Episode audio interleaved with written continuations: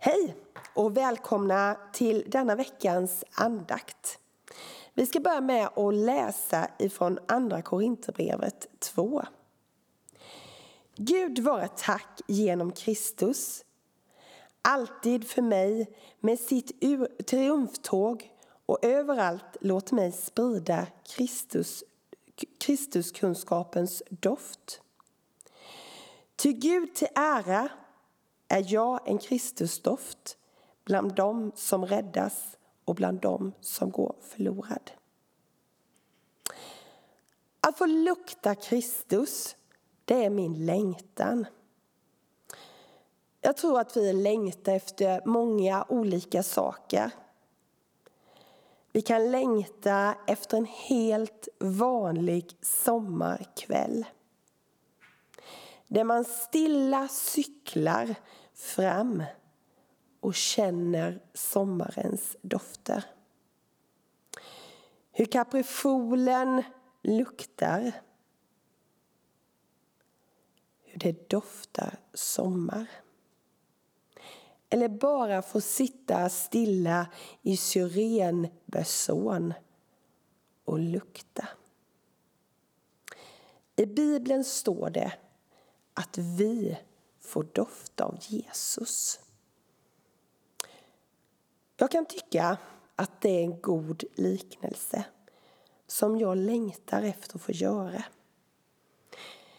När jag möter olika människor så kan man liksom känna hur de doftar.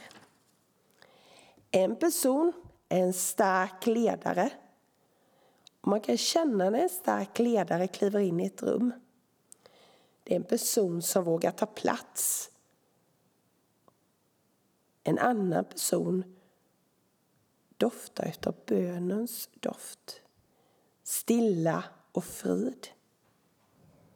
Vad doftar det av dig? Kan andra känna att du har hittat din källa? Kan de se det i dina ögon? Eller eh, flackar du med blicken när du pratar med någon? Lovar du någonting helhjärtat? Vågar du vara en motpol till dagens samhälle? Doftar du utav Kristus? Vi lever så mycket utav känslor. Det ska synas, det ska kännas. Men det viktigaste är var vi har, vår rot. En rot som får växa sig stark och stå pall trots saker som händer runt omkring oss. En rot som bygger på vår relation med Jesus Kristus. Under den här tiden på året då får vi så frön. Vi får låta dem växa innan vi kan skörda. Men det får inte ta för fort. Det får inte gå för fort. Det tar tid. Vi kan inte skörda förhastat. Och våra liv måste få ta tid. För att vi ska finna grunden där vi kan gro så att våra rötter blir starka vad som än händer. Hur vi vattnar och ger näring det har betydelse. Precis som växter behöver vatten och näring så gör vi det också. Vi får låta den här tiden som vi lever i just nu vara en tid då vi får ta extra tid för Guds ord och vara i bön och låta vår gudslängtan växa. Våra liv får vara öppna. Och vi får lära känna Jesus ännu mer.